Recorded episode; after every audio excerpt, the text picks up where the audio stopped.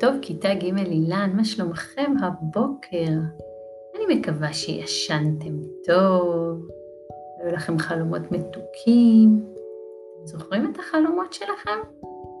לפעמים זוכרים בבוקר, ממש שפותחים את העיניים, נכון? נחמד לזכור חלום. בכל אופן, אני מקווה שהתעוררתם רעננים, מוכנים ליום החדש, לכל מה שהוא יביא איתו. רציתי לספר לכם שאתמול, פעם ראשונה הייתי צריכה לנסוע מחוץ לעיר, מזה הרבה זמן. כי אתם יודעים, עכשיו זה זמן שאנחנו הרבה בבית, ומתרכזים פה באזור של הבית, אבל הייתי, הייתה לי משימה והייתי צריכה לנסוע רחוק.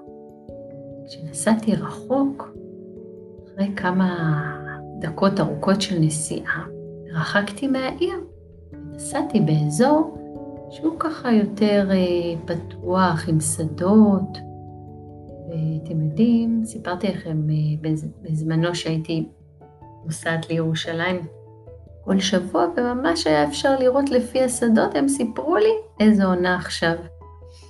ובאמת ראיתי שכבר כל הצהוב הזה, שראיתי בקיץ, של התירסים, של הקוצים, ולפני כן של השיבולים, כל הצהבהב הזה כבר באמת נקצר, ואפשר לראות את התלמים של האדמה, את חומים אה, ומוכנים, ככה חלק בטח כבר נזרעו, חלק בטח יזרעו ממש ממש לפני הגשמים. ראיתי אפילו כמה טרקטורים בשדה, וזה ממש אה, הזכיר לי גם את החווה. אני יודעת שהרבה מכם אה, מגיעים לחווה, לעבוד בה ולשמור עליה, וזה מאוד מאוד אה, משמח אותי. זה גם הזכיר לי את השיר שאנחנו אוהבים לשיר בסתיו. אתם זוכרים? עיקר פוסע בשדות זרעים טוב בין השורות,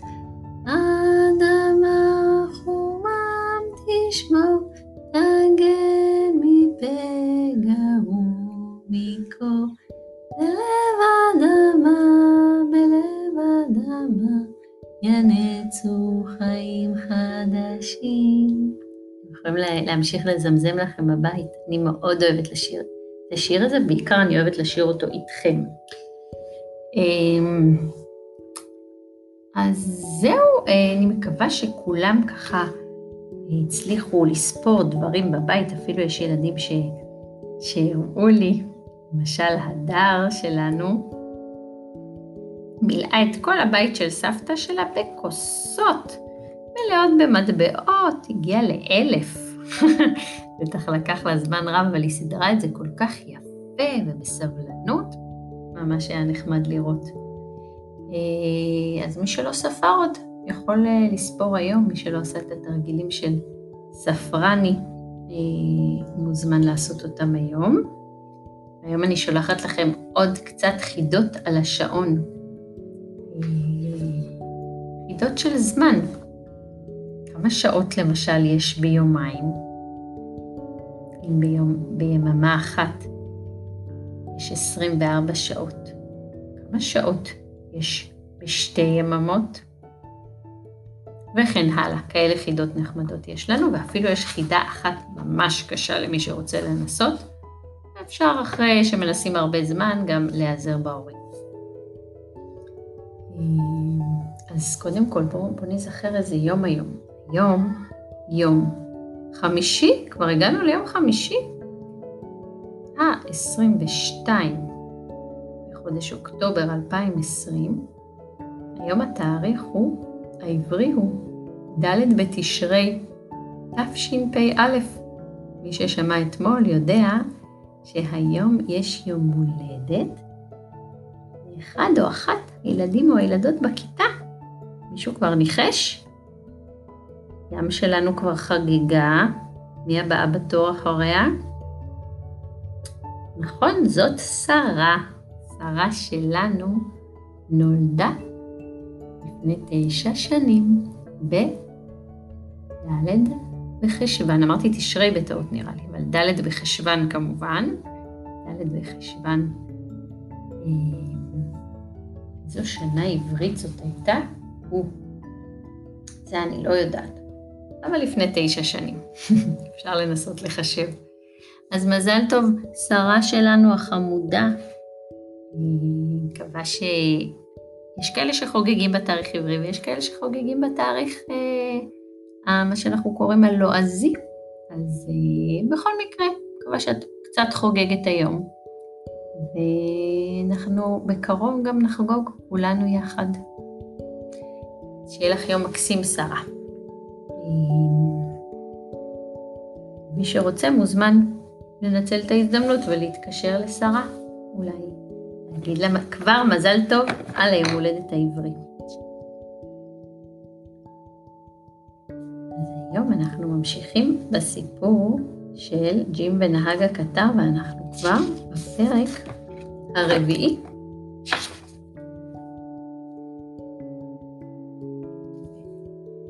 פרק רביעי, בו מפליגה אונייה מוזרה ביותר, ולוקאס נוכח שהוא יכול לסמוך על ג'ים כפתורי. ארוחת הערב כבר נגמרה. ג'ים פיהק כאילו היה עייף מאוד, ואמר שהוא רוצה לשכב מיד במיטתו. גברת מהה התפלאה קצת.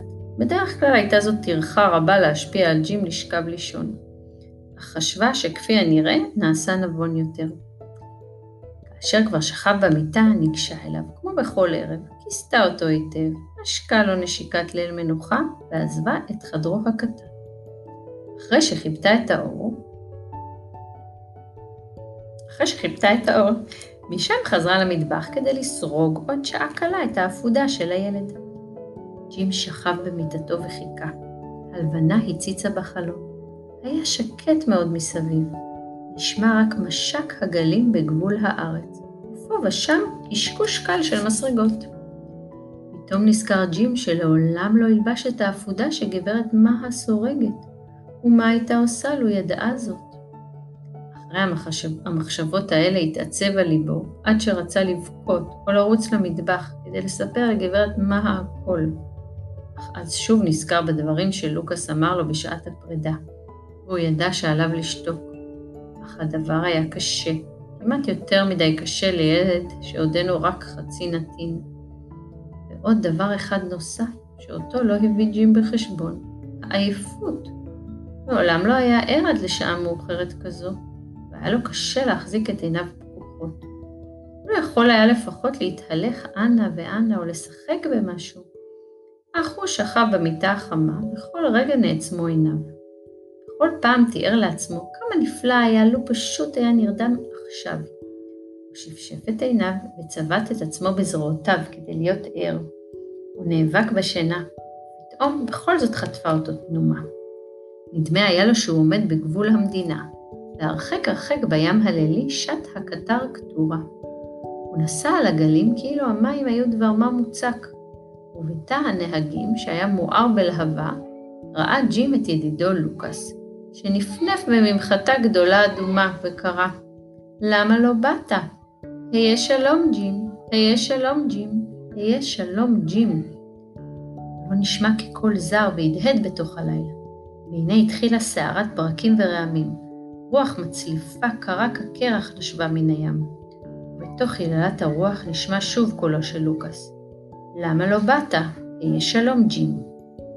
הקטר נעשה קטן מרגע לרגע, הוא נראה עוד בפעם האחרונה מואר באור המסנוור של הברק, ונעלם הרחק באופק החשוך.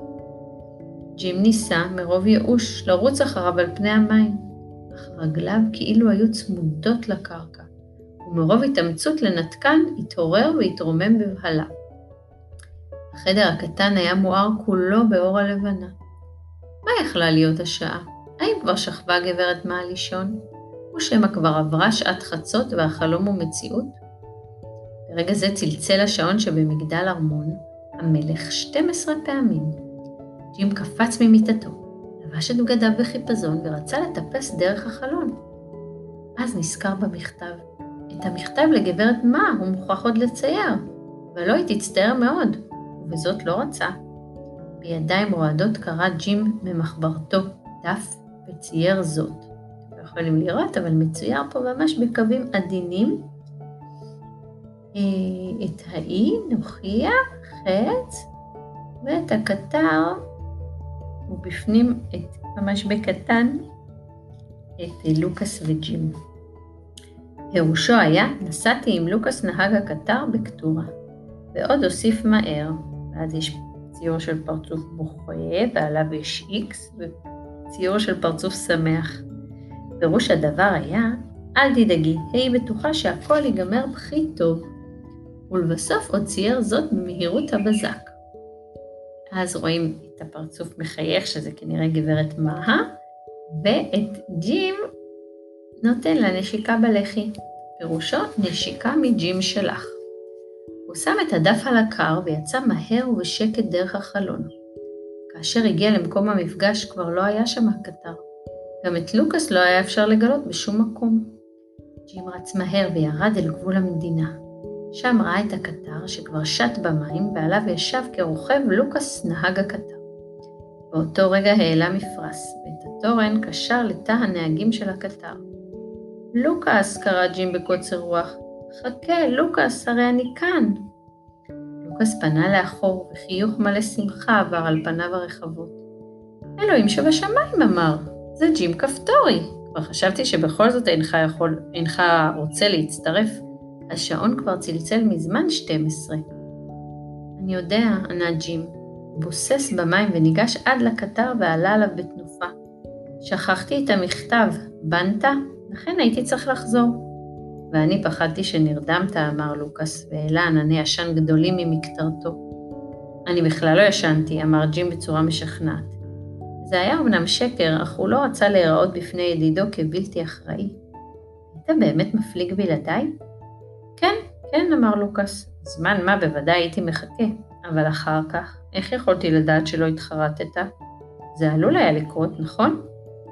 אבל נדברנו, טען ג'ים. כן, הסכים לוקאס. אני כל כך שמח ששמרת על ההסכם שלנו. כעת אני יודע שאוכל לסמוך עליך. אגב, האם האונייה שלנו מוצאת חן בעיניך? עצומה, אמר ג'ים. תמיד חשבתי שקטרים טובעים במים. לוקאס חייך. לא כאשר מוציאים קודם את המים מן הדוד. מריקים את עגלת הפחם, הפחם ומושכים את הדלתות בכופר. הוא הסביר והעלה כמה ענני עשן קטנים. זו חוכמה שלא כל אחד יודע. מה צריך את הדלתות? שאל ג'ים, שמעולם לא שמע ביטוי כזה. למשוך בכופר את הדלתות, חזר לוקאס על דבריו. זאת אומרת שצריכים למרוח את כל החריצים באופן יסודי בזפת, כדי שלא תעבור אף טיפת מים. זה חשוב מאוד, כי בגלל תא הנהגים העומד בפני מים, הדוד החלול והטנדר הריק, אין הקטר יכול לטבוע. חוץ מזה נוצר באופן כזה תא חמוד וקטן למקרה גשם. אבל איך ניכנס לשם? רצה ג'ים לדעת, אם הדלתות צריכות להיות סגורות כל כך היטב. אנחנו יכולים לזחול דרך הטנדר, אמר לוקאס. אתה רואה? אם רק יודעים איך לעשות את הדבר, אזי אפילו קטר שט כמו בר אווז. אה, אמר ג'ים בהתפעלות, אבל הוא, אבל הוא כולו עשוי ברזל? אין דבר, אמר לוקאס, וירק מרוב שמחה עניבה של רוק לתוך המים. ישנן אוניות שעשויות רק ברזל. תיבת ברזל ריקה, גם היא איננה טובעת, כל זמן שהמים אינם חודרים לתוכה. אהה, אמר ג'ים, כאילו הבין. הוא חשב את לוקאס לאיש חכם מאוד. חברת ידיד כזה לא יכול לקרות לו דבר. עכשיו היה שמח מאוד שקיים את הבטחתו. אם אינך מתנגד, אמר לוקאס, נפליג עכשיו. בסדר, ענה ג'ים. הם התירו את החבל שבו היה הקטר קשור לחוף. הרוח ניפחה את המפרש. התורן חרק בשקט והאונייה המוזרה התחילה לשוט. שום קול לא נשמע חוץ מזמזום הרוח ומשק הגלים בחרטום האונייה. לוקאס חיבק את ג'ים בזרוע אחת, שניהם ראו בלי עומר איך נוכיה, לרבות הבית של גברת מהה והבית של מר שרוואלי, תחנת הרכבת הקטנה וארמון המלך שבין שתי הפסגות הבלתי שוות, הולכים ומתרחקים, שקטים ושטופים באור הירח. הלחיו השחורה של ג'ים נגולה דמעה גדולה. עצוב? שאל לוקאס בלחש. גם בעיניו היה נצנוץ חשוד. ג'ים משך את מיץ אפו בקול. עבר בידו על עיניו וחייך באומץ. כבר עבר. מוטב שלא נסתכל עוד לאחור, אמר לוקאס וטפח לג'ים טפיחה ידידותית על שכמו. הם הסתובבו כדי שיסתכלו קדימה. ובכן, אמר לוקאס, עכשיו אמלא קודם את מקטרתי ואז נשוחח קצת. הוא מילא את מקטרתו, הציתה, העלה גלגלי עשן אחדים, ואז התחילו לשוחח. אחרי זמן מה היו שניהם שוב עליזים וצחקו. כך שטו לתוך הים הזוהר באור הלבנה. וזה סוף הפרק הרביעי של ג'ים. מעניין מה יקרה בהמשך המסע שלהם. אז לפני שניפרד, אה, אולי יש ילדים שאספו עלים בכל מיני צבעים. אם לא, אתם יכולים גם היום, אתם יכולים גם בסוף השבוע. אני שולחת לכם היום רעיון מה לעשות איתם אחרי שקראתם אותם ומוללתם אותם וקבצ'צ'תם אותם טוב בידיים, בין הידיים, וחילקתם אותם לפי צבעים. קודם תחלקו לצבעים ואז תקבצ'צ'ו ותמוללו ותקראו. אז אפשר לקחת איזשהו דף קשיח, אני גזרתי קרטון, לשים את, ה, את הקרטון בצד, לקחת נייר, אשלח לכם דוגמה של זה. לצייר לו מסגרת עם אימא דובה או עם אבא דוב, ורקע בצהוב אה, זהב או לימון.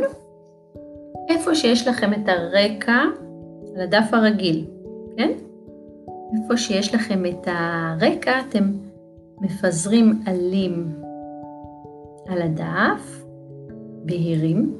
איפה שיש את המסגרת, אתם מפזרים עלים קהים. מניחים את זה על השולחן או הרצפה, אז לוקחים את הקרטון או הדף הקשיח הזה, מורחים עליו דבק, והופכים כמו, כמו ספר שסוגרים. הופכים, שמים את זה על הנייר עם העלים. אוקיי? ומניחים על זה איזשהו ספר כבד. ואז אתם תראו מה יצא. שולחת לכם דוגמה. אחרי זה אפשר לעשות עם זה מה שרוצים, אפשר לעשות עם זה שלט לדלת, לחדר, אה, תמונה, מה שרוצים. אני אשמח לראות uh, תמונות של מי שמכין את זה. אז uh, טוב, חמודים, uh, אחרי כל המשימות האלה הגיע הזמן למסלול בוקר, זוכרים? או איזשהו טיול בחוץ. ואחר כך uh, לעשות את המשימות להיום. שיהיה לכם יום נהדר, סוף שבוע מקסים. אני מקווה מאוד להיפגש בקרוב. להתראות.